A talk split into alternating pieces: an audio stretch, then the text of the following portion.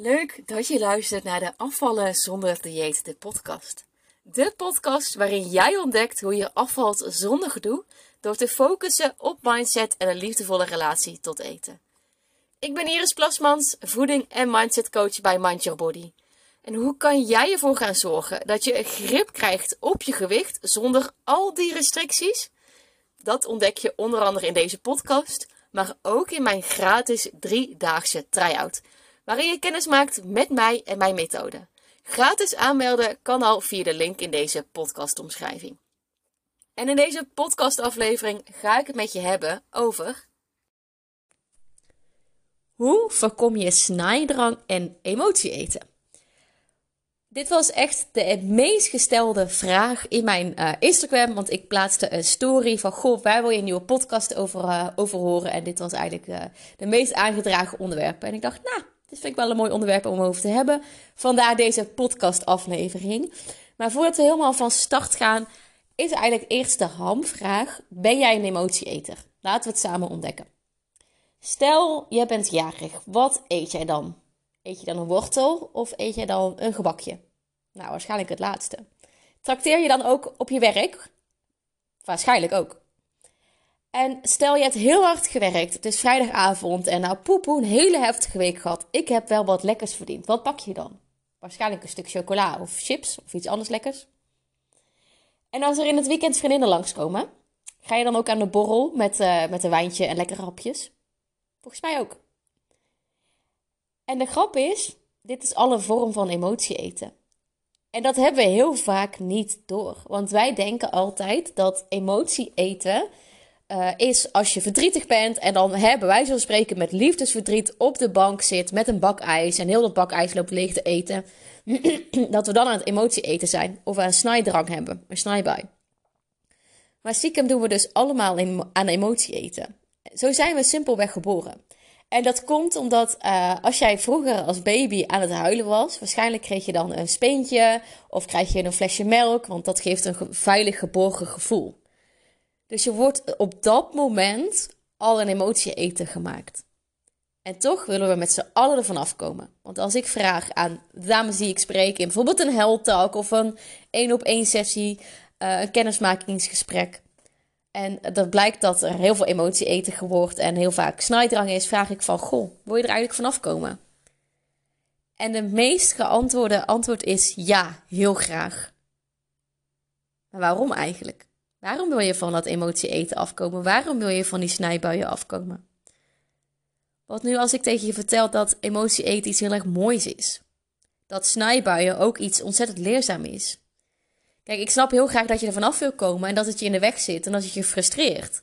Als het ten koste gaat van je gezondheid. En wat ik daarmee bedoel is dat je bijvoorbeeld um, um, elke dag heel veel snoept. En dan bijvoorbeeld ook echt een halve zak chips of een hele zak chips of meerdere keren per week dat je dat nodig hebt om heel snel te ontspannen. En dat er eigenlijk verder voor, je, voor de rest geen uitweg voor je is. Dan begrijp ik heel goed dat je vanaf wilt, maar dat hoeft dus niet. En kijk even hoe, wat het met je doet. Als het voor jou voelt, dat als, als ik tegen jou zeg dat je niet van die snijbuien of van die emoties af moet komen. Wat voor gevoel krijg je dan? Voelt dat dan verlichtend? Voelt dat ongemakkelijk? Voelt dat misschien bevrijdend? Kan allemaal. Misschien ga je wel in opstand komen met je brein. Dat je denkt, ja, hoezo hoef je niet van emotie eten afkomen? Hoezo moet ik niet van die snijbuien afkomen? Ik wil toch kilo's afvallen? Maar dan schiet je dus heel erg in die frustratie. En wat er dan gebeurt, is dat je um, um, verdrietig bent, je gaat eten... en vervolgens neemt het jezelf heel erg kwalijk... dat je uh, hebt gegeten en dan denk je, laat maar zitten, het is toch verpest, dus dan eet je maar heel die zak leeg. En dan kom je in een neerwaartse spiraal terecht. Maar alles valt en staat met het oordeel die je eraan aan hangt. Want eigenlijk is emotie eten een heel mooi signaal van je lichaam. Eigenlijk zegt je lichaam, goh, uh, ik wil heel snel ontspannen. Ik ben verdrietig, er is iets aan de hand. Of ik wil juist iets vieren, ik, ik zie het als een beloning ik, uh, ik weet niet hoe ik dat anders moet uiten. Dus ik ga eten. Dus eigenlijk is voor mij, en dan een snijbui, dan noem ik het echt van gewoon hele reep chocolade eten zonder um, um, rem. Dus echt in één keer opeten, zonder te genieten. Uh, een hele zak chips liggen eten, een handje borrel, een hele schaal borrelnootjes. Nou ja, alles in hele grote mate. Dat is eigenlijk een heel mooi signaal van je lichaam. Van hé, hey, er is iets aan de hand. Je mag naar binnen keren. Eigenlijk is het een vorm van jouw lichaam om naar je, naar je te luisteren. Naar jou te luisteren. Van hey, uh, uh, het is een manier van fluisteren. Zo kan je het zeggen. Het is een signaal van je lichaam dat je naar iets dieper mag gaan. En dan kun je heel makkelijk zeggen van goh, uh, stop met snijden, haal chips niet meer in huis. Maar dan ga je ervoor komen dat jouw lichaam met jou wil communiceren. Eigenlijk is het een vorm van communicatie naar jou toe. En is het dus eigenlijk iets heel erg moois. We hoeven het niet te onderdrukken. Maar dat is dus wel heel vaak wat we horen in de dieetwereld. In afvallen, in afslanken. Emotie eten is slecht. We zien vaak dat hele typische beeld voor ons, hè, dat verdrietig op de bank en alles eten wat los en vast zit. Maar zo hoeft emotie eten niet te zijn. Het kan ook iets heel positiefs zijn, hè, net zoals met uh, verjaardag taart eten. Wij Nederlanders zijn ontzettend goed in uh, um, positieve emoties, maar ook feestdagen te koppelen aan eten. Het is ook een vorm van gezelligheid. En ik ben een Burgondische Brabander. Dat hoor je misschien ook wel aan mijn lichte Brabantse tongval. of misschien een hele zware tongval. Dat kan ook. maar um, uh, dan merk je ook dat het ook het vorm is van het, van het leven. Van wie wij zijn. En dan willen wij het graag onderdrukken. Dan willen we er graag vanaf komen. Maar dat hoeft dus niet. Zoals ik al eerder zei in deze podcast, is eigenlijk eten de snelste vorm van ontspanning. En als je dat even laat bezinken, eten is ontspanning. En je hebt snijbuien, snijdrang, uh, emotie eten. Dan betekent dus dat jouw lichaam fluistert naar jou, naar jou communiceert. Van goh, Iris, je mag even gaan ontspannen. Ik heb ontspanning nodig. En dat komt vaak omdat we onszelf te ver pushen.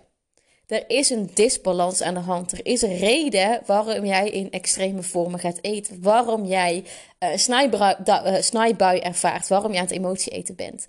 En dat kan verschillende oorzaken hebben. Misschien onderdruk jij eten. Zeg je tegen jezelf: Ik mag niet eten. Uh, ik mag niet genieten van eten. Ik wil afvallen. Ik moet afvallen. Heel erg in die wilskracht. Uh, ik mag geen chips eten. Dus als je dat, dat je eten een verboden vrucht maakt. En als je het eet, laat maar zitten, het is toch al verpest. En dat je daarom uh, een trigger krijgt voor een snijbui. En dat je dan denkt, het kan me op zijn, want dan is het klaar. Maar wat ik de meest voorkomende trigger zie bij heel veel dames, is dat er een disbalans is in hun leven. En dat klinkt best wel zwaar, zo bedoel ik het niet.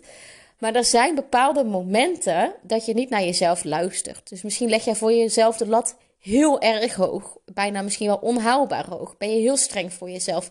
Is er weinig momenten voor jou om tot jezelf te komen. En is misschien dat eten uh, even een me-time moment.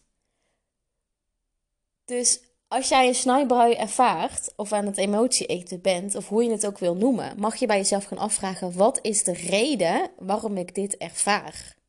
Wat is de reden waarom ik behoefte heb om nu zo uh, in grote hoeveelheden te eten.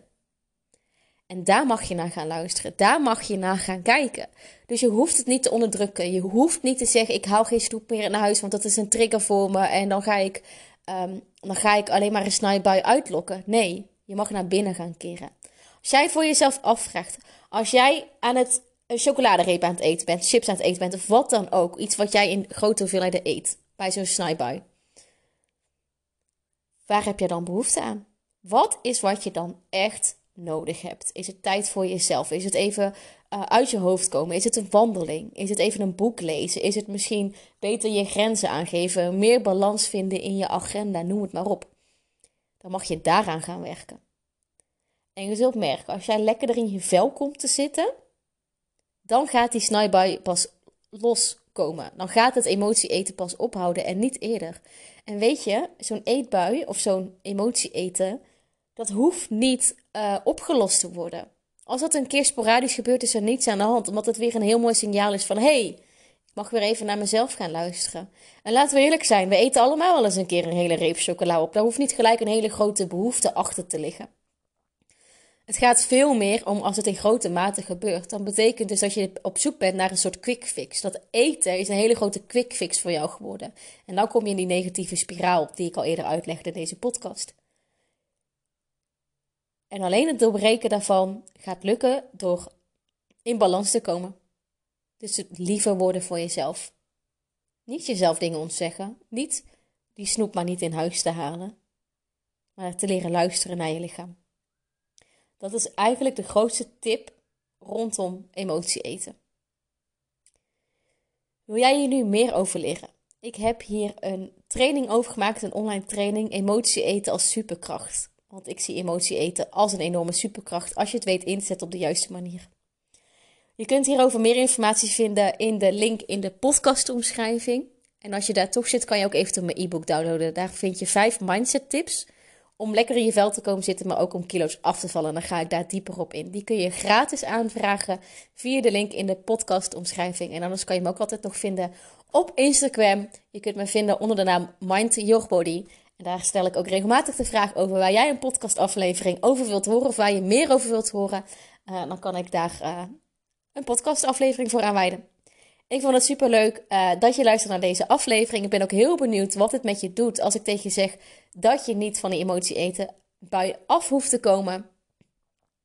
En ik, uh, ik hoop dat je gaat luisteren naar je lichaam. Kijken wat het nodig heeft. Dit was het voor deze podcastaflevering. Ik uh, spreek je weer bij de volgende podcastaflevering. Vond je deze podcast interessant? Geef het dan een 5 sterren beoordeling. Hoe meer sterren, hoe beter de podcast wordt gevonden en hoe meer vrouwen deze serie gaan ontdekken, waardoor ze nooit meer hoeven te strijden. En vergeet ook niet om je nog even snel aan te melden voor de gratis Mind Your Body Tryout. We starten namelijk binnenkort.